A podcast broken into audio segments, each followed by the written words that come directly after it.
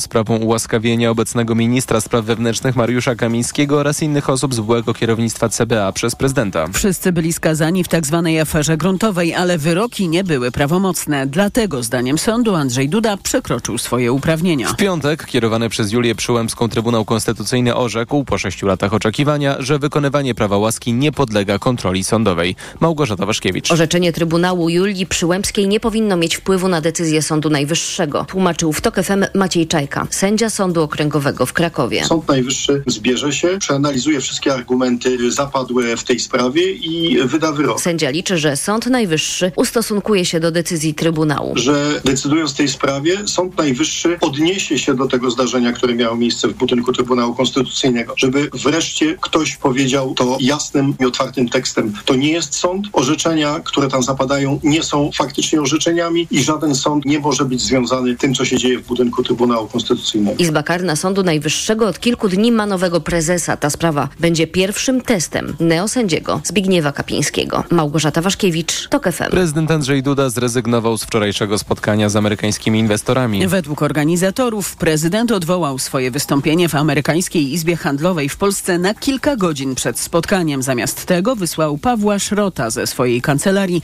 by odczytał przemówienie prezydenta. Informując o tym, Bloomberg podkreśla, że prezydent Duda wycofał się ze spotkania kilka dni po tym, jak Waszyngton skrytykował go za podpisanie ustawy o Komisji do Spraw Rosyjskich Wpływów. Amerykański Departament Stanu obawia się, że nowe prawo może podważyć demokratyczną wiarygodność nadchodzących wyborów w Polsce. Tydzień temu prezydent najpierw podpisał ustawę o komisji, a po czterech dniach wysłał do Sejmu jej nowelizację.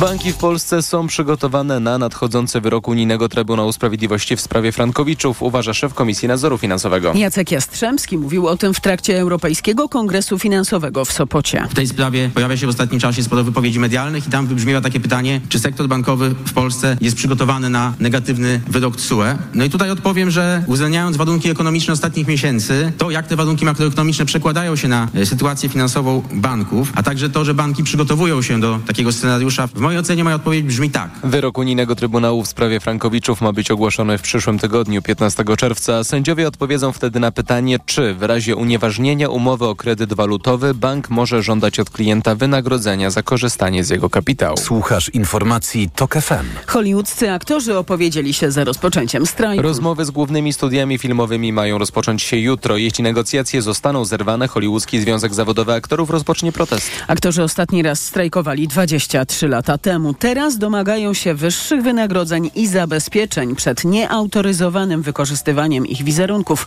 przez sztuczną inteligencję. Kolejne informacje o 7.20, a teraz jeszcze prognoza pogody.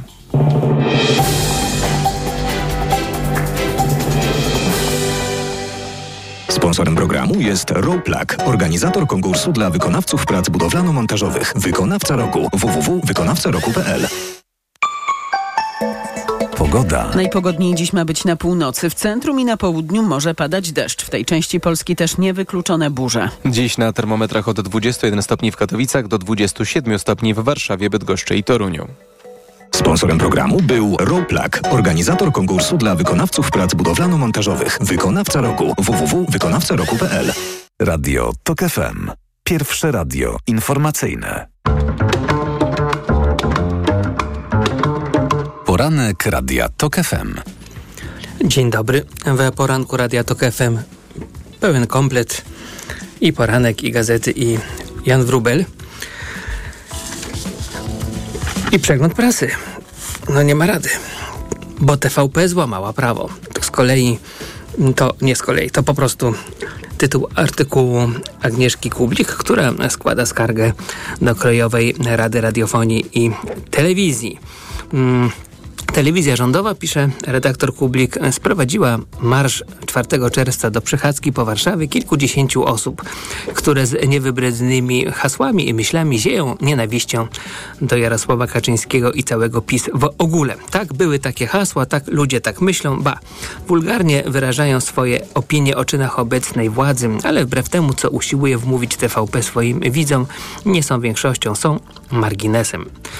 nie było relacji na żywo z niedzielnego marszu. W ogóle nie było rzetelnego, prawdziwego słowa o tych, którzy zjechali do y, stolicy. I po takim wymienieniu dłuższym y, rozmaitych rzeczy, których nie było, Agnieszka Kublik przechodzi do meritum. Media zagraniczne zrelacjonowały ten protest o niebo lepiej, co nie było trudne, skoro TVP nie relacjonowała go wcale. A artykuł 21 ustawy medialnej powiada, że programy TVP powinny kierować się, i to już jest cy cytat, odpowiedzialnością za słowo i dbać o dobre imię publicznej radiofonii i telewizji, rzetelnie ukazywać całą różnorodność wydarzeń i zjawisk w kraju i za granicą, sprzyjać swobodnemu kształtowaniu się poglądów obywateli oraz formowaniu się opinii publicznej oraz formowaniu się e, oraz no jeszcze inne dobre rzeczy.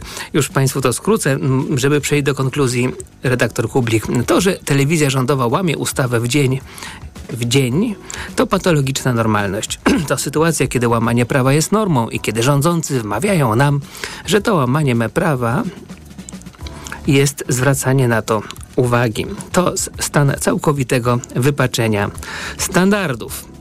Dlatego składam w Krajowej Radzie Radiofonii i Telewizji skargę na program nadawany przez TVP Info w niedzielę 4 czerwca od rana do wieczora, od godziny 9 do 21 na serwisy informacyjne i komentarze i na główne wydanie wiadomości TVP z 4 czerwca, bo to, co pokazywały TVP Info i dziennik telewizyjny, to był cudzysłów o 19.30, było ewidentnym złamaniem artykułu 21 ustawy medialnej, bo proszę sobie wyobrazić, że na przykład TVN 24 nie relacjonowałaby Narodowego Marszu Papieskiego, który przeszedł przez Warszawę 2 kwietnia. Co wtedy uczyniłby Maciej Świrski, szef Krajowej Rady Radiofonii i Telewizji, nominat obozu władzy.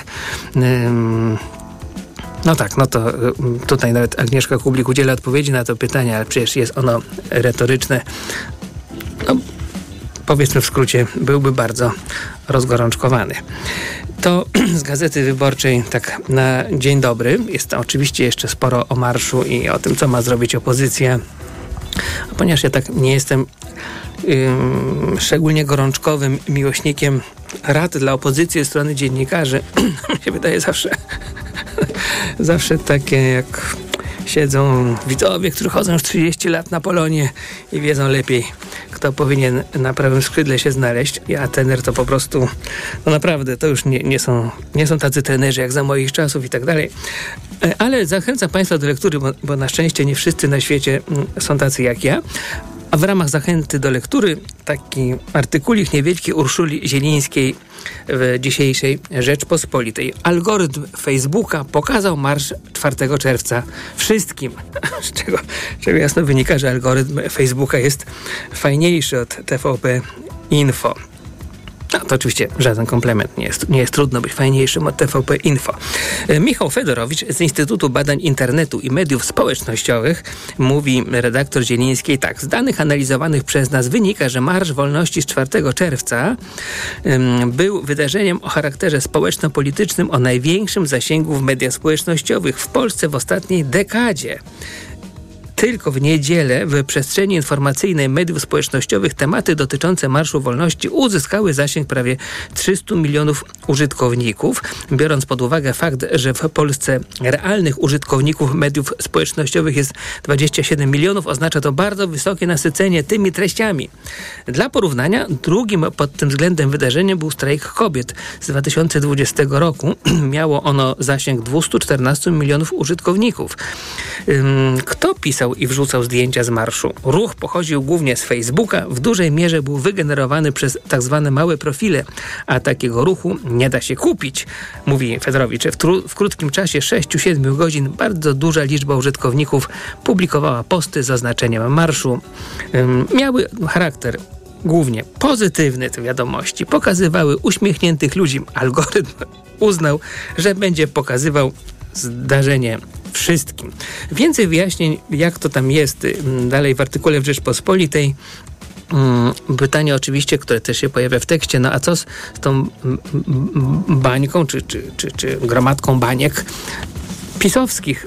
Chyba różnie, dlatego że jak z Rzeczpospolitej z innego artykułu wynika, niespecjalnie dużo osób głosujących na PiS korzysta z internetu jako źródła wiadomości o, o świecie. No, ale można powiedzieć, cóż, jak człowiek może przez dłuższy czas udawać, że nie ma internetu, ale wcześniej czy później się poddaje. Także chyba przyszłość należy do algorytmu Facebooka i co za tym idzie uśmiechniętych członków opozycji. Nic dziwnego, skądinąd taka przyszła mi refleksja, że propaganda Prawa i Sprawiedliwości tak mocno pokazuje akurat tych nieuśmiechniętych, tylko zgrymaszonych, wściekłych, żądających co najmniej y, kary, kary y, tortur dla Prawa i Sprawiedliwości. Mm, tak, wiedzą tam w tym pisie, że uśmiechnięte twarze wygrywają, co najmniej w algorytmie Facebooka, a skrzywione mm, jakoś nie za bardzo wygrywają. No dobrze, to pogadaliśmy trochę o, o marszu, tak mm, mam nadzieję, że ubogacając naszą wiedzę na ten temat. A teraz szokująca informacja, że, że, że powstaje chyba dobre prawo. Czesne nie będzie już zamrożone na całe studia, czy tam dalej w Rzeczpospolitej. Studenci jeszcze bardziej od, odczują inflację, pyta Katarzyna Wójcik. Władze uczelni co roku będą mogły podnosić opłaty. No to oczywiście źle, no wiadomo, zapisu podnosi się opłaty studentom, ale akurat z artykułu Katarzyny Wójcik wynika, że, dobrze. E, szkoły wyższe biły na alarm, że przy obecnej inflacji wielu wydziałom, kierunkom grożą finansowe tarapaty. E, profesor Jarosław Górniak z Uniwersytetu Jagiellońskiego komentuje, gdyby nie wprowadzono zmian, uczelnie publiczne wycofywałyby się z kierunków odpłatnych, a niektórym uczelniom niepublicznym groziłoby wręcz zamknięcie. Poważny wzrost kosztów, z jakim mamy ostatnio do czynienia, musi mieć pokrycie. Na drugiej stronie Rzeczpospolitej Ewa Szatkowska pisze przenikliwie e, albo tanio, albo dobrze, mówi stare porzekadło i trzeba być naiwnym, by sądzić, że nie dotyczy ono kształcenia studentów i wprowadza nas e, w taki oto refleksyjny nastrój. Najłatwiej pisze się komentarze krytyczne, bo nie ma nic przyjemniejszego niż pastwienie się nad złymi rozwiązaniami i ich autorami. Naprawdę nic przemyślę to, ale może Ewa ma rację.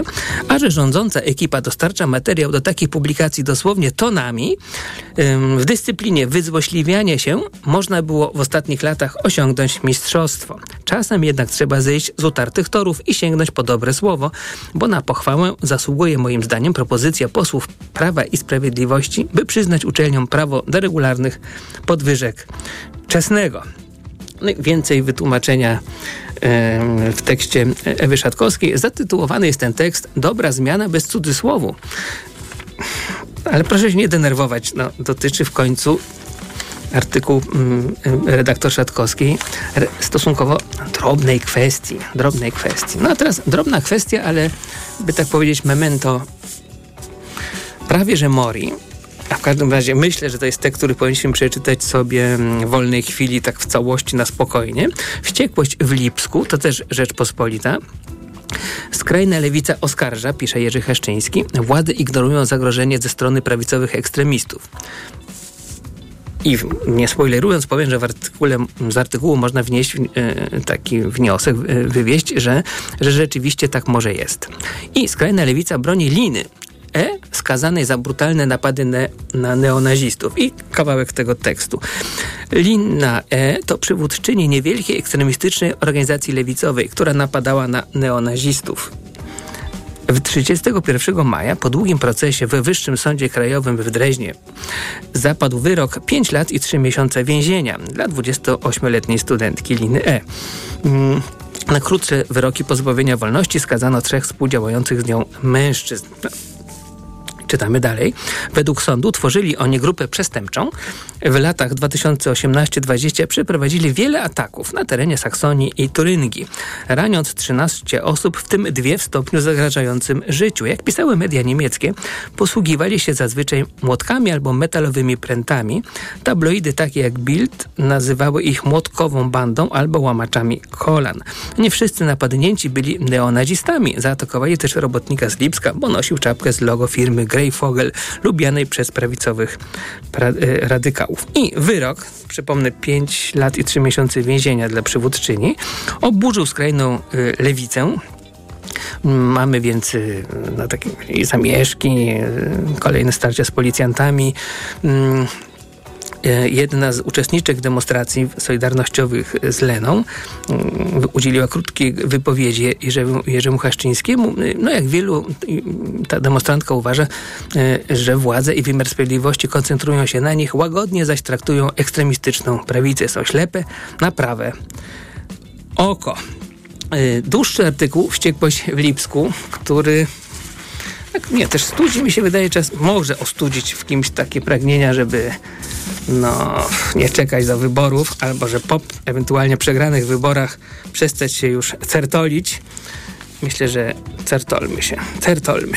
A e, e, e, przegląd prasy niniejszym kończę. Mówię Państwu, że, że choćby w Dzienniku Gazecie Prawnej mm, o Komisji na glinianych nogach, tej derusyfikacyjnej, bardzo ciekawy jest tekst Grzegorza Osieckiego, a w Gazecie Wyborczej reportaż o portugalskim trenerze motoru Lublin. To jest sprawa jak, jak w takiej telenoweli, ale niestety występuje tym też fizyczna, fizyczna przemoc, także tylko dla ludzi o mocnych nerwach mm, i bardzo zachęcam do lektury. No ale cóż, kiedy ja już muszę za chwilę chwilkę porozmawiać z sędzią Michałem Laskowskim o marszu 4 czerwca i o tym marszu październikowym.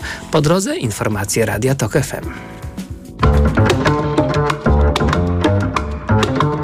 Poranek Radia Tok FM.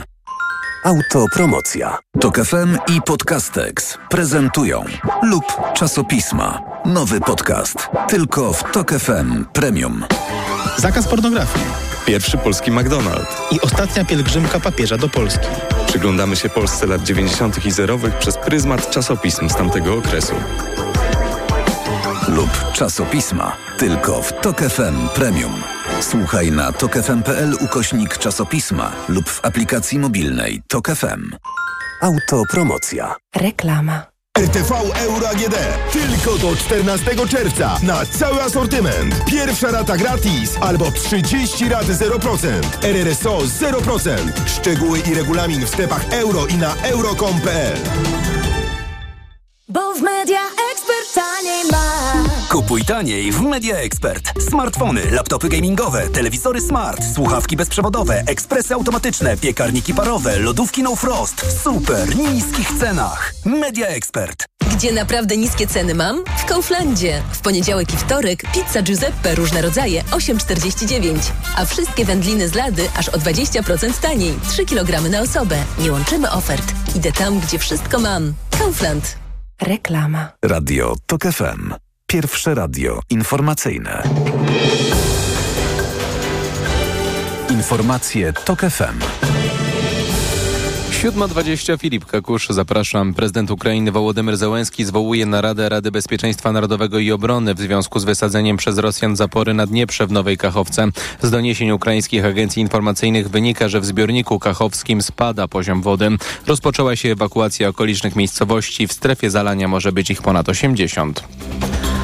Kanclerz Niemiec będzie dziś gościł na roboczym obiedzie prezydenta Francji. Olaf Scholz i Emmanuel Macron będą dyskutować m.in. o możliwości gwarancji bezpieczeństwa dla Ukrainy. Kilka dni temu obaj przywódcy mówili, że takie gwarancje Kijów powinien uzyskać od NATO na lipcowym szczycie sojuszu w Wilnie.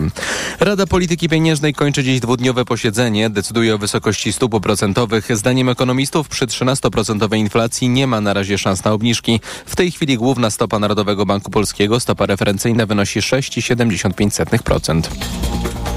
Najwyższy stopień zagrożenia pożarowego obowiązuje w lasach w całej Polsce. Ściółka jest bardzo sucha, jej wilgotność w niektórych miejscach spadła poniżej 10%, czyli do poziomu oznaczającego ekstremalną podatność na zapalenie. Leśnicy wzywają do szczególnej ostrożności. Informacje sportowe. Michał Waszkiewicz, zapraszam. Tylko 31 minut trwał mecz i dziesiątek w czwartej rundzie French Open. Lesia Turenko z Ukrainy już w pierwszym secie skreczowała z powodu choroby przy stanie 1 do 4. Teraz Polkę czeka powtórka ubiegłorocznego finału, bo w ćwierćfinale zagra z Amerykanką Cory Goff. W drugiej parze, w tej połówce drabinki zmierzą się Tunezyjka Ons Jaber i Brazylijka Beatriz Hadacz-Maja, która wczoraj męczyła się niemal 4 godziny z Hiszpanką Sarą Soribes Tormo, ale ogólnie w tym turnieju wygląda bardzo dobrze.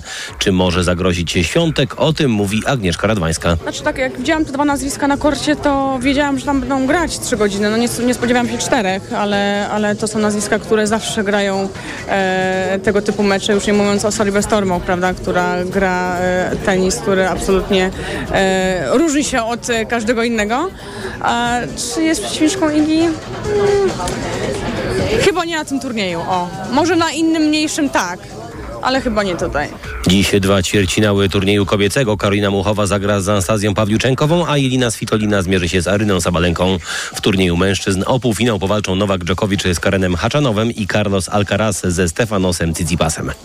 Ekstraklasa zakończyła sezon, ale w klubach wciąż sporo się dzieje. Jacek Magiera podpisał nowy kontrakt ze Śląskiem Wrocław. Szkoleniowiec prowadził ten zespół przez jeden sezon, potem klub go odstawił, przywrócił w końcówce tego sezonu, a że Magiera uratował Ekstraklasę dla Śląska, to teraz znów popracuje z zespołem dłużej. Nowego piłkarza Maraków Częstochowa mistrzowie Polski ściągnęli z Miedzi Legnica utalentowanego 18-letniego pomocnika Dawida Drachala. To trzeci zawodnik, który przechodzi do zespołu mistrza Polski podczas trwającej obecnie przerwy w rozgrywkach z drużyn, które spadły z Ekstraligi. Ekstraklasy do pierwszej ligi. Wcześniej kontrakty z Rakowem podpisali Łukasz Zwoliński z Lechii Gdańsk i Szwajcar Maxim Dominguez z Miedzi. Na zapleczu Ekstraklasy rozpoczyna się dziś walka o awans. Wiadomo, OKS Łódź i Ruch Chorzów awansowały bezpośrednio, a o ostatnie miejsce e, zagrają cztery drużyny w playoffach. Wisła Kraków podejmie dziś Puszczę Niepołomice, a Termalika Nieciecza zagra ze Stalą Rzeszów. Pogoda. Wtorek nadal raczej pogodny, będzie się chmurzyć na południu, tam też możliwe burze, również z gradem. Na południu też najniższa temperatura, w Krakowie 21 stopni, 23 w Kielcach i Trójmieście, 25 w Łodzi, Lublinie, 26 w Szczecinie i Gorzowie, 27 stopni w Warszawie i Toruniu. Radio TOK FM. Pierwsze radio informacyjne. Poranek Radia TOK FM.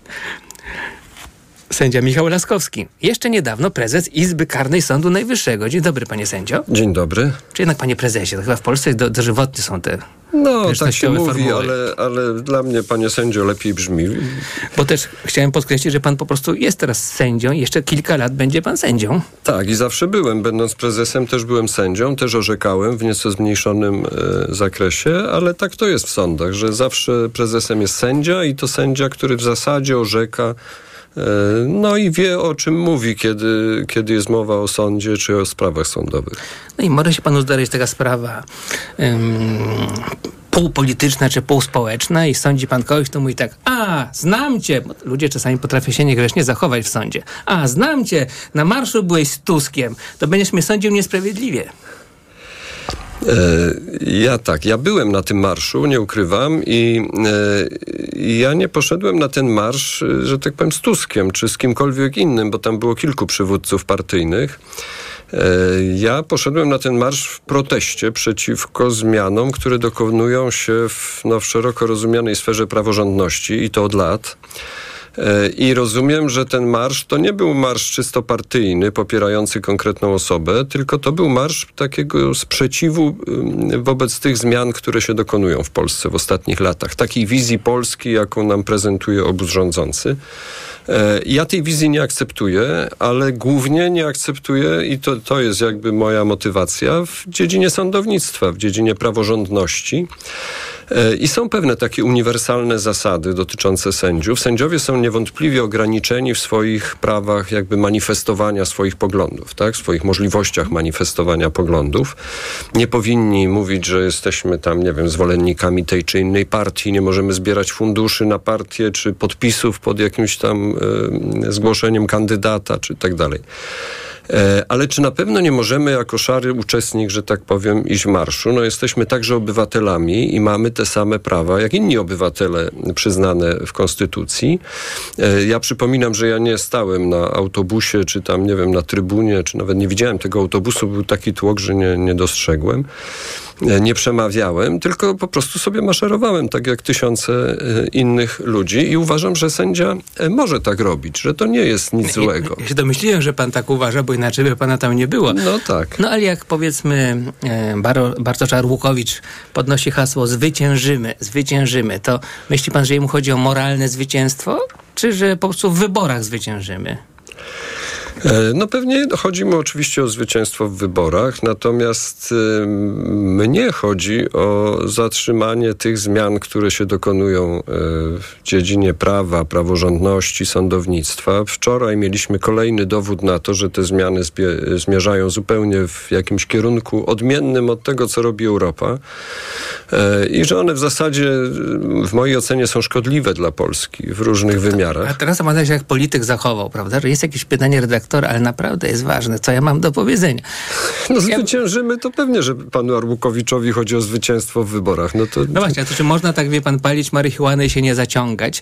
Czy można być na marszu robionym przez P-owców w, w imię zwycięstwa Donalda Tuska i Platformy Obywatelskiej w wyborach, a jednocześnie być tam tylko troszkę że ja tu jestem tylko od praworządności. Czy to jest sposób możliwe, tak na logikę? E, no pewnie nie do końca, to ma pan rację. Natomiast e, są takie orzeczenia Trybunałów Międzynarodowych, konkretnie był to Trybunał e, Panamerykański, który uniewinnił sędziów, ja już nie pamiętam, z Panamy chyba, którzy protestowali w jakimś marszu, właśnie szli sobie, maszerowali.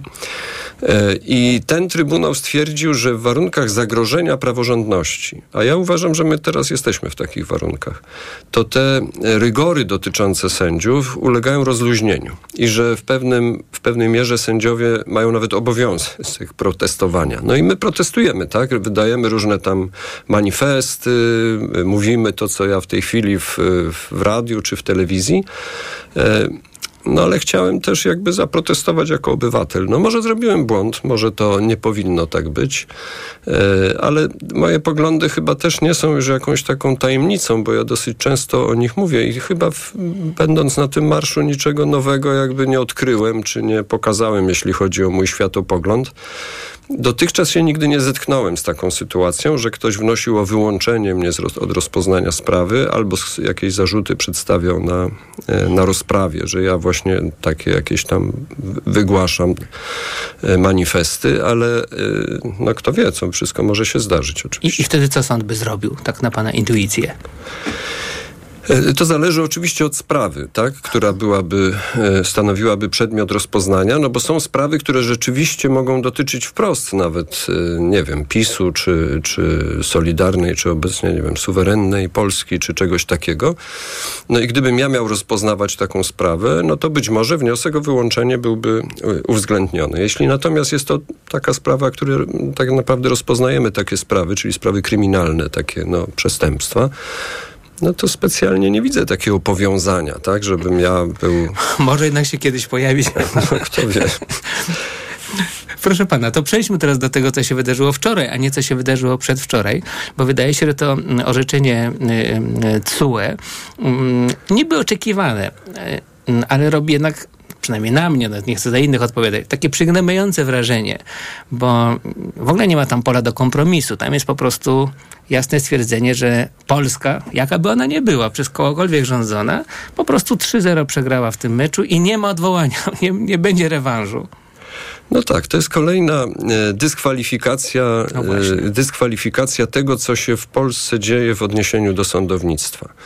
Tych jakby pseudoreform, które są wprowadzane, zresztą ze zdumiewającą konsekwencją, bo e, było już kilka sytuacji, w których można było no, po prostu zmienić troszkę kurs i, i uzyskać to samo, co należy, co, co jak sądzę chce się uzyskać, ale nie w taki sposób. I wczoraj zdyskwalifikowano ustawę kagańcową. To jest, przypominam, ta ustawa z grudnia 2019 roku. Ona w części zresztą obowiązuje, bo ktoś może powiedzieć, no co z tego, że się wypowiedziano, że Izba Dyscyplinarna nie jest sądem, skoro ona już nie istnieje, Mm. tak? Przeszła do Tak. historii. To ma pewne znaczenie, bo pytanie, co z orzeczeniami wydawanymi przez Izbę Dyscyplinarną. Czy to, że ktoś kiedyś został przez nią skazany, uznany za winnego przewinienia, to, to jest nadal prawomocne, czy też może już nie? Na to pytanie też trzeba sobie będzie I odpowiedzieć. kto odpowie wtedy? Trybunał czy Sąd Najwyższy? E, No będzie na to odpowiadał sąd, który będzie rozpoznawał ewentualny wniosek o chyba wznowienie. trochę lepiej, prawda? No lepiej, lepiej, żeby to odpowiadał sąd, bo przypomnę, że Trybunał e, już kiedyś próbował jakby z kolei zdyskwalifikować orzeczenia Trybunału Luksemburskiego. Ale to jest trochę tak, jakby e, sędzia piłkarski orzekł karnego, tak? a sędzia, który się specjalizuje w sędziowaniu meczów siatkówki, powiedział, nie, on nie ma racji, to trzeba... e, Ja myślę, że to jest gorzej. Jest tak, że sędzia główny coś pokazuje, to jest raczej Europa, a sędzia przy warze zwanym mówi nie, nie, nie, Ta, nie ma no, karnego. no, różne tu nie można- uznajemy gola z tego karnego, bo go nie było. Można różne podobieństwa sobie, y, no po prostu y, to jest dyskwalifikacja i, i to na różnych y, polach i to jest kolejna dyskwalifikacja, bo to nie jest pierwsze orzeczenie, to już jest kolejne orzeczenie. E, Oczywiście należałoby z tego wyciągnąć wnioski i dokonać zmian w ustawie. Czy tak się stanie? No trudno powiedzieć. E, Trudno mieć nadzieję, że nagle teraz dojdzie do jakiegoś olśnienia i no tak, rzeczywiście może nie mieliśmy racji. E, No byłbym bardzo zdumiony, gdyby coś takiego nastąpiło. Raczej widzimy taki taniec, dwa kroki w przód, jeden w bok, czasem jeden troszkę niby do tyłu, za chwilę pan prezydent Duda kieruje coś do Trybunału i tak w kółko Macieju. I jeszcze to Jak wszystko Lenin, jest... proszę pana. No Jeden tak. krok w tył, dwa kroki naprzód. Jeszcze to wszystko jest podlane takim, taką narracją, że oto bronimy niepodległości, suwerenności Bóg wie czego, co już jest szczególnie jakby drażniące, no bo to jest po prostu nieprawda i to nie chodzi o żadną suwerenność. Y, Każdy kraj w Unii Europejskiej może sobie organizować sądownictwo jak chce. Mo- może być, mogą być trzy instancje, pięć instancji, małe sądy, duże sądy. Ważne tylko, żeby zachować pewne ogólne standardy, a my tych ogólnych standardów nie zachowujemy. I widzi pan, gdzieś tutaj sobie wyciąłem i tak wyciąłem, że wciąłem wypowiedź przewodniczącej Krajowej Rady Sądownictwa, która jednak jest oburzona na, te, na, te, na to TSUE, bo mówi, że no, po prostu każdym, każdy kraj ustawi, tak jak pan powiedział, tylko ona jest z drugiej strony, prawda? Każdy kraj sobie ustawia e, tak, jak uważa. No nie może być tak, żeby sędziowie decydowali o tym, że słusznie lub niesłusznie zostali powołani na stanowisko. I w, ja wie pan, wiem jak, na, na czym polega ten spór w, w Polsce prawny i y, może tak nie widać, ale wiem. Natomiast nie uważam, że można było tak zupełnie zgasić wątpliwości w tej sprawie, którą podnosi tak zwana druga strona. Ta druga strona mówi tak, no we, wszędzie w Europie, nawet w bardzo demokratycznych krajach, czynnik polityczny jest duży lub średni. U nas jest akurat duży, ale no ale zaraz, prawda? To może przeczeszmy wszystkie systemy demokratyczne e, w w całej Europie i zobaczmy, które z nich są takie nie do końca krystalicznie ratujące sędziów przed czynnikiem politycznym. No, no i coś w tym jest, że u nas problem polega nie, na, nie do końca na tym, co jest napisane, tylko w atmosferze, w której przeprowadza się te zmiany. No co pan na to? No ja myślę, że my jednak wykroczyliśmy zdecydowanie poza standardy przyjęte w tym, e, w krajach Europy e, i to w różnych wymiarach. Ale takim E, chamstwem, a nie wie pan dokładnie Nie, ale zapisami, dokładnie nie? przepisami. No, jeśli zakazuje się sądowi badania prawidłowości składu sądu, no to jest coś, co zawsze istniało. Tak? Jeśli się mówi tak, no ewentualnie można badać tą prawidłowość, ale może ro- robić to wyłącznie Izba Kontroli Nadzwyczajnej, którą właśnie powołaliśmy i ma samych nowych sędziów tak? w, nie, w składzie. Jeśli mówi, musisz powiedzieć sędzio, czy byłeś kiedyś w partii, czy należysz do jakiegokolwiek y, ugrupowania, stowarzyszenia, organizacji. W imię czego to? Co, co to ma właściwie zapewnić obywatelowi, który stawia się w sądzie? Obywatelowi Kaczyńskiemu dość dużo No akurat. jemu tak, no ale, ale przecież to nie chodzi o to, że- żeby prawo zapewniało obywatelowi Kaczyńskiemu Kaczy, jakieś tam Ja- przywileje. no niby nie no. chodzi. No. Proszę pana, przepraszam, że muszę przerwie w tym, przerwę w tym ciekawym momencie, ale jeszcze muszę jedno pytanie zadać, że czasu jest mało. No, Lex Kamiński. Nie ma takiego leksa, ale jest spór prawny, czy to Trybunał Konstytucyjny, czy to Sąd Najwyższy może ostatecznie powiedzieć w sprawie kasacji. Mm, No i chyba Trybunał Konstytucyjny, jakby nie był, jest, jest tak odrobinkę ważniejszy od Sądu Najwyższego w tej sprawie. Czy i tej sprawie się mylę? E, W tej sprawie rzeczywiście e, doszło do sporu, jak daleko sięgają granice stosowania prawa łaski przez prezydenta. Czy te granice są w ogóle w jakikolwiek sposób są? określone? Czy są granice, czy prezydent czy, czy prezydent może właściwie wszystko? Czyli nawet y, ułaskawić kogoś przed rozpoczęciem postępowania i powiedzieć, za te czyny ten pan czy ta pani nie będzie odpowiadać, albo natychmiast po wszczęciu postępowania. I Sąd Najwyższy, do którego zwrócił się skład rozpoznający kasację w tej sprawie, powiedział, Ł- Prawo łaski dotyczy, i to się wydaje nawet w takim kolokwialnym i prostym rozumieniu najbardziej zrozumiałe, prawo łaski dotyczy osób, które są skazane. Czyli trzeba najpierw kogoś No wiem, skazać, żeby go ułaskawić. Prezydent zrobił inaczej. E, I teraz pytanie, bo dzisiaj odbywa się posiedzenie w tej sprawie o dziewiątej. Zobaczymy, co zrobi Sąd Najwyższy, bo tego nie wiem i też jestem ciekaw. Natomiast y, Trybunał no, wypowiada się w, o innych sprawach, o rzekomym sporze kompetencyjnym, którego moim zdaniem nie ma. Sąd Najwyższy nikogo ułaskawiać nie chce. I tu jak w dobrym serialu przerwiemy w najciekawszym miejscu, żeby ludzie mieli ochotę oglądać, słuchać w naszym przypadku kolejnych odcinków. Sędzia Michał Laskowski. Mm, Ten pierwszy sek, taki prekwel zrobił nam bardzo ciekawy. Mm, Sędzia, były prezes Izby Karnej Sądu Najwyższego. Dziękuję. Dziękuję bardzo. Poranek Radia TOK FM. Autopromocja. Mała władza. Nowy podcast. Tylko w TOK FM Premium. Zaprasza Andrzej Andrysiak. Władza degeneruje, a władza absolutna degeneruje absolutnie. Ta prawda dotyczy także polskiego samorządu. Gdy nikt cię nie kontroluje, gdy masz własne media propagandowe i setki miejsc pracy, które możesz rozdawać swoim, jesteś nie do ruszenia. Pojechałem do małych miejscowości, by przyjrzeć się, jak wójtowie, burmistrzowie i prezydenci zarządzają Polską lokalną. Mała władza. Tylko w TOK FM Premium. Słuchaj na tokefm.pl ukośnik władza lub w aplikacji mobilnej. TOK FM. Autopromocja. Reklama. Uwielbiam to uczucie. Chciałabym, żeby trwało bez końca. Tak wyjątkowo czuję się tylko w Lexusie UX. Stylowy crossover Lexus UX otula mnie komfortem i imponuje najnowocześniejszymi technologiami. Teraz Lexus UX już od 139 500 zł. Szczegóły na lexus-polska.pl Lexus. Elitarny w każdym wymiarze. Gotowi na wakacje? No to jedziemy. Wyznaczam trasę. Droga będzie kręta i górzysta. Oj, niedobrze. Dla zachowania komfortu podróży kup dzieciom Lokomotiv. Lokomotiv to sprawdzone i bezpieczne rozwiązanie na podróż z dobrym samopoczuciem. Dzieci czują się dobrze i nie są senne. Z Lokomotivem bezproblemowo dotarłeś do celu. Pastelki do ssania oraz suplementy diety, drażetki i syrop już dla trzylatków. Lokomotiv. Niezastąpiony w czasie podróży. Wyciąg z kłącza imbiru pomaga utrzymać komfort lokomocyjny. Aflofarm.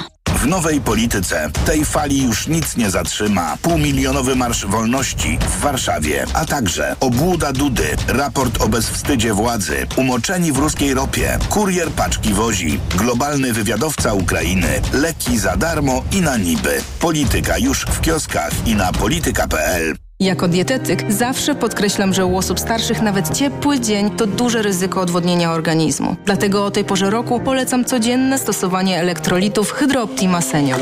Suplement diety Hydrooptima Senior ma niską zawartość sodu i glukozy, co ma szczególne znaczenie dla osób z nadciśnieniem i podwyższonym poziomem cukru.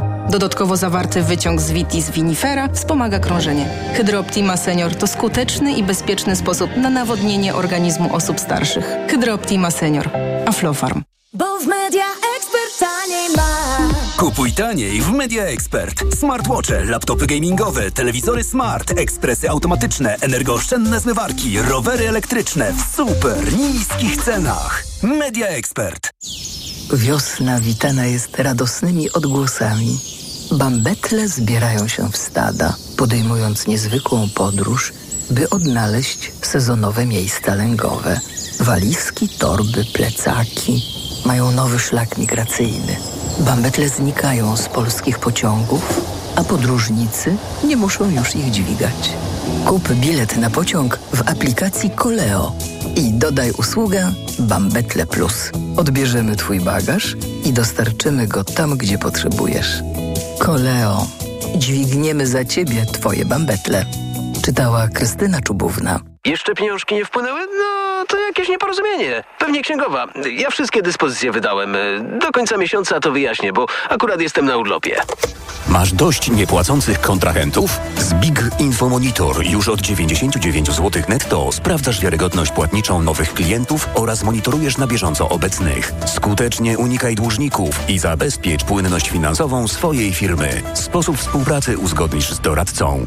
Szczegóły oferty na www.big.pl Reklama. Radio TOK FM.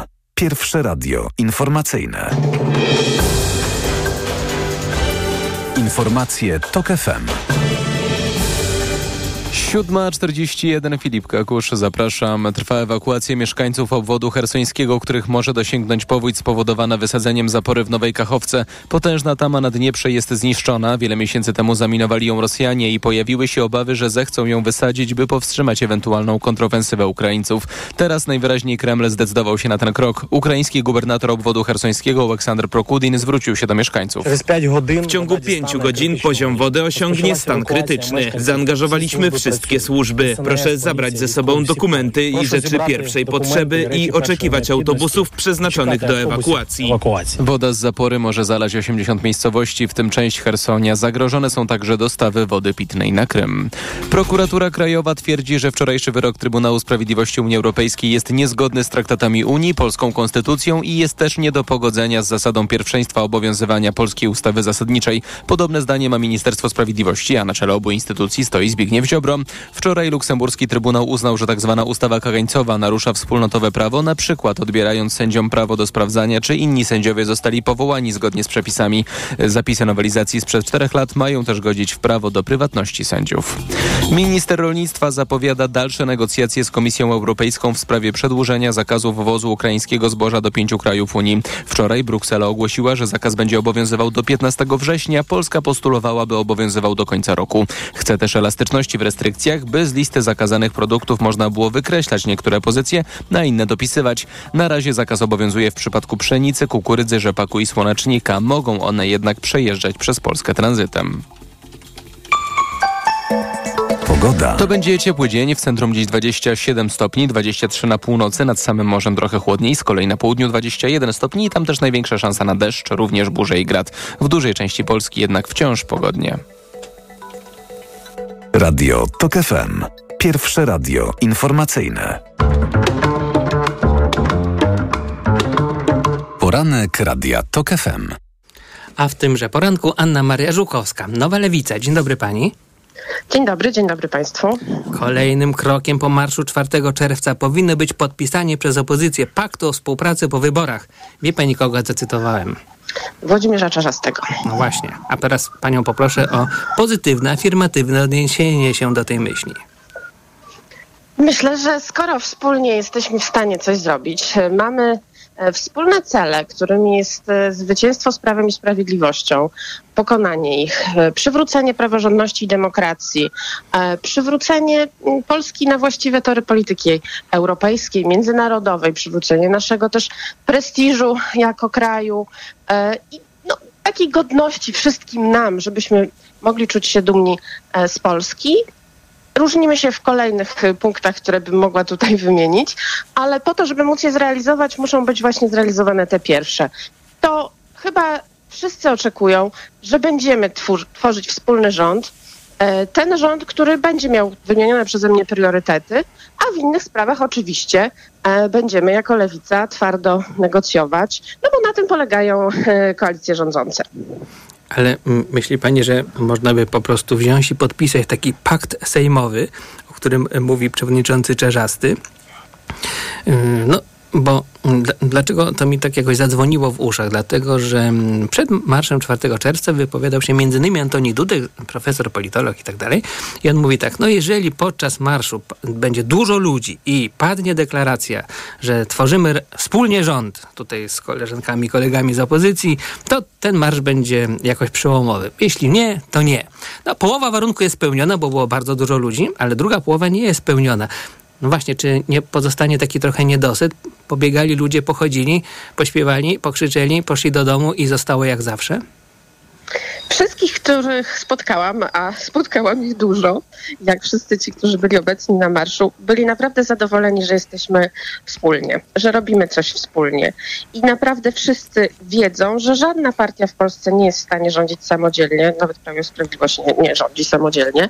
E, I potrzebna jest taka koalicja, więc potrzebny jest, no tak jak podobnie jak pakt senacki, taki pakt, który będzie paktem sejmowym, będzie mówił o tym, że mamy parę wspólnych celów głównych i będziemy je realizowali wspólnie, chcemy tego wspólnie. Tego też oczekuje od nas y, nasz, nasz, nasi wyborcy, e, osoby, z którymi się widziałam wczoraj z Agnieszką Dziemianowicz-Bąk e, w Kielcach, którzy mm, oczekują, że będziemy walczyć o swoje priorytety, takie jak prawa, prawa pracownicze, jak prawa kobiet, e, jak prawa społeczności LGBT+, jak y, kwestia sfery budżetowej, podwyżek w tej sferze budżetowej, służby zdrowia oraz takie zmiany jak na przykład y, stuprocentowo płatne L4 po to, żeby kobiety nie musiały mieć, y, bo to na ogół kobiety biorą L4 na dzieci, chociaż jak będą panowie brali, to również będą otrzymywali, jeżeli to wejdzie w życie, dzięki nam taką, taką wypłatę na zwolnieniu lekarskim. A nie byli karani za chorobę. To są, to, to, to są rzeczy, które my proponujemy, oczywiście nie wszystkie, ale tak jak mówię, żeby to było możliwe, to najpierw trzeba e, w Trybunale Konstytucyjnym zaprowadzić porządek po to, żeby znowu był trybunałem, a nie zbiorowiskiem e, aktorów w togach. E, Po to musimy mm, też e, przeprowadzić e, kon- takie konieczne zmiany dotyczące praworządności, żebyśmy mogli odzyskać środki z Krajowego Planu Odbudowy, żebyśmy mogli między innymi dzięki zapisanych tam lewicy punktach budować w Polsce mieszkania na tani wynajem. W tych punktach, które pani wypowiedziała, mm, myśli pani, że jest, że jest jakiś potencjał dużych rozbieżności z Platformą Obywatelską? Bo ja mam wrażenie, że gdybym rozmawiał akurat w tej chwili nie z panią, tylko z kimś z PO, to jest bardzo prawdopodobne, że jeżeli nie byłby to reprezentant tak zwanej e, starej PO, tylko tej całkiem już nowej, to on by mniej więcej to samo mówił. Nawet z tym L4 by, by powiedział tak samo. Są rozbieżności, czy ich nie ma? Trochę, trochę jest rozbieżności, bo gdyby ich nie było, to byśmy byli pewnie wszyscy w jednej partii, ale to nie chcielibyśmy chyba takich y, y, czasów, więc jesteśmy w różnych, bo się różnimy. Ale to, to, na co w tej chwili chcemy zwracać uwagę i, i myślę, że takie jest też oczekiwanie społeczne, to to, żeby, żeby pokazywać to, co jest między nami wspólne i że jesteśmy w stanie zrobić coś wspólnie. Pokłócimy się, oczywiście, pokłócimy się potem o wiele spraw, ale żebyśmy mogli się kłócić w sposób demokratyczny, a nie taki jak w tej chwili w Sejmie, że jest nam wyłączany mikrofon, że nie ma debaty, że nie można przedstawiać swoich stanowisk i do, tego, żeby móc to zrobić, trzeba się uciekać do takich kruczków, żeby w, trakcie wniosków formalnych zabierać głos, to po to musimy pokonać Prawo i Sprawiedliwość, przywrócić demokrację i wtedy będziemy mogli na pewno kłócić się o wiele spraw konstruktywnie, bo spór jest istotą polityki, to od tego nie uciekniemy, ale chcemy się spierać y, w sposób cywilizowany i demokratyczny. A wie pani, olśniło mnie. O to mi właśnie chodziło cały czas. Dlaczego właściwie nie jesteście w, w, Platformie Obywatelskiej, która mogła przecież by troszkę tam zliftingować swoją nazwę, żeby was bardziej uwzględnić? Nowa, demokratyczna, prawicowo, centrowo-lewicowa Platforma Obywatelska. No właściwie wiem, że nie wszyscy tam mogą być, ale wy z lewicy i oni z PO, no czemu żeby nie? Co was niby takiego różni? Ja bym nie mogła być na pewno. I nie wiem, czy Jak też to? tam była. Em, mamy inny rdzeń ideowy. Lewica jest, wywodzi się z y, socjaldemokracji, to jest, y, to jest nasz nurt ideowy. Nie jesteśmy chadecją, mamy jasne sprawy, y, jasne poglądy na e, świeckość państwa, na właśnie prawa pracownicze. Mamy takie dwie nogi i, na jednej nie ustaniemy i obie są potrzebne. Nogę praw człowieka i nogę praw pracowniczych właśnie. To jest moim zdaniem socjaldemokracja i to nas odróżnia od, od Platformy Obywatelskiej, która mm, jak ma te dwie nogi czasem, to przestępuje bardzo często z jednej na drugą, e, co nam się wydaje nieco chwiejne. Ale wie pani, no może mówi pani o takiej dawnej platformie, bo o tej, która teraz idzie do wyborów, to powiem tylko tyle. No, trzeba mieć lupę, y, mikroskop i wykształcenie etnologiczne, żeby zrozumieć, czy, czy, czy ona jest chadecka, ta platforma, czy socjaldemokratyczna. Ale to chyba tam nadal są takie osoby jak na przykład Radosław Sikorski, tak mi się wydaje, które chyba nie do końca są przekonane nadal co do tego, czy e, społeczności LGBT powinny przysługiwać takie same prawa, y, między innymi prawo do równości małżeńskiej, prawo do adopcji dzieci. Em, to nie, da, nie, nie, nie są takie same poglądy jak poglądy socjaldemokratyczne, które są absolutnie jasne. My się nie boimy mówić pewnych rzeczy, dlatego że mamy taki kręgosłup ideowy, a nie inny. I no, partie się różnią między sobą, wywodzą się też e, historycznie z różnych nurtów. Platforma się wywodzi z Hadecji. E, Dla nas jest partią centrową. No, jest partią, z którą możemy rozmawiać. No, są partie, z którymi nie będziemy rozmawiać nigdy, tak? Z Konfederacją w ogóle no way. Ale różnimy się i szanujmy te swoje różnice, bo to też jest ważne, żebyśmy, żebyśmy mogli normalnie o tym rozmawiać, tak? O tych różnicach. To skoro już o Konfederacji, to uderz e, w stół, nożyce się odezwą. Zgodnie z mm, sondażem, z wynikami sondażu Instytutu Badań Polster, można powiedzieć, że mm, 73% ankietowanych nie chce powrotu Romana Giertycha do polityki, a 27% i owszem widzi go w tej roli. No cóż, pytanie do pani. Jak pani skomentuje takie wyniki oraz skomentuje fakt, że Roman Giertych ewi- wyraźnie do polityki wrócić chce? No, rozumiem, że chce, tylko że nie chcą go wyborcy opozycji. I dlatego nie znalazł się w pakcie senackim. Ja tu zacytuję słowa przewodniczącego Borysa Budki. No, na tę chwilę em, pani senator, która startuje z Platformy z tego okręgu, jest tam nadal zgłoszona, nic się nie zmieniło, nie została wycofana e, i w związku z tym uważam ją również e, za naszą kandydatkę, no bo skoro to jest pakt senacki, to na tym to polega. Natomiast absolutnie nie wyobrażam sobie e, Romana Giertycha e, jako swojego. To, mi nie przejdzie przez usta, po prostu nie zmusi mnie pan do tego, panie redaktorze. No nie. Roman Giertych nie. mm, No, miał swój czas, wykorzystał go w ten sposób, że zawarł e, sojusz z Jarosławem Kaczyńskim, że był najgorszym przed ministrem Czarnkiem, ministrem edukacji narodowej. Jest bardzo źle wspominany przez moje pokolenie, którego jako właśnie tego ministra pamięta, że nie był demokratycznym ministrem. Też chciał wykreślać Gombrowicza, bo mu się nie podobała jego orientacja seksualna z listy lektur, e, który chciał wprowadzać godzinę policyjną dla uczniów mundurki, który Niech generalnie nie otwiera puszki Pandory. Rękę, ręka w rękę z Jarosławem Kaczyńskim demolował to państwo na długo przed Tylko- sojuszem obecnym z Solidarną Ja Polską. myślę, że pani myśli, że jak pani y, mówi o godzinie policyjnej dla młodzieży albo dyscyplinie w szkole, to wystrasza pani tym polskiego wyborcę. To jest ba- bardzo różnie. Mnóstwo polskich wyborców chciałoby, żeby był jakiś porządek, żeby nie rozwydrzenia nie się. było młodzieżowego. To wszystko, moim zdaniem to, co pani powiedziała, to jest, może być programem wyborczym odnowionego Romana Giertycha i on może osiągnąć bardzo dobry wynik. No ale dobra, to trochę krotochwilne było. Natomiast nie jest krotochwilne pytanie takie. No przecież nie jest wykluczone, że Roman Giertych, który tak celnie walczy z PiS i jest po prostu na niektórych salonach liberalnych traktowany jako w sumie swój chłopak, który no, kto za młodu nie był Z LPR-owcem. Jarosławem Kaczyńskim. Ten na starość będzie łajdakiem, prawda? Więc to w sumie nasz chłopak, tylko tak się trochę taki, on jest taki, no wiecie, nieco inny, niestandardowy. Że to nie jest niemożliwe, że no oczywiście nie dostanie tego okręgu, który wystąpił, bo to jest abecadło polityki, ale jakiś inny, bardziej taki konserwatywnie nastawiony, proszę bardzo. No i co pani wtedy?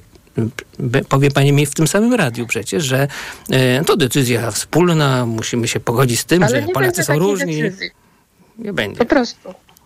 Także no, tu powstał jakiś sojusz byłych ministrów Jarosława Kaczyńskiego, dwóch pl- kumpli Radosława Sikorskiego i Romana Giertycha. No, są faktycznie wpływowi w pewnych kręgach pewnie Platformy Obywatelskiej, ale myślę, że sama Platforma Obywatelska też rozumie, wsłuchuje się w głosy swoich wyborców i wyborczyń i one są naprawdę jednoznaczne. Nie będę się za nich wypowiadać, bo to nie moi wyborcy. Moi wyborcy generalnie mają jednak taki sam pogląd w tej sprawie. Romanie, zostań adwokatem po prostu już dalej. Bądź dobrym adwokatem, jakim jesteś i naprawdę to będzie tyle, ile polska demokracja od ciebie oczekuje. przed marszem. Mm, Zadziwiająco kilka różnych portali mm, takie ankietki przeprowadzało, czy rozmówki z dziennikarzami pod tytułem, czy będą na marszu, czy nie będą. I przepraszam panią za to pozornie branżowe pytanie, ale wydaje mi się ono mieć uniwersalny zakres. M- Myśli pani, że dziennikarze zajmujący się polityką, nie mówię dziennikarzu od, od mody czy od sportu, tylko tacy, którzy z polityką coś mają wspólnego, powinni uczestniczyć w marszach orga- organizowanych przez Platformę Obywatelską, jak gdyby nigdy nic? Myślę, że są tak samo y, obywatelkami i obywatelami jak wszyscy inni i mają prawo do demonstracji. To jest y, prawo zagwarantowane w Konstytucji. No, mają też je y, i sędziowie, i kierowcy, i nauczyciele. Em, I wszyscy ci, którzy uczestniczą na co dzień w życiu państwa, w życiu publicznym, to jest forma, w której wyraża się demokracja, pokojowa manifestacja. Każdy ma prawo mieć poglądy, nie ma prawa kierować się i używać tych poglądów w swojej pracy w pewnych aspektach, tak jak dziennikarze, nauczyciele, e, sędziowie nie mogą się kierować swoimi poglądami e, w no, ocenianiu na przykład tych, którzy, którzy im podlegają, ale mogą, każdy ma poglądy jakieś, przynajmniej taką mam nadzieję, e, i mamy prawo je pokojowo manifestować. Mm, Na pewno.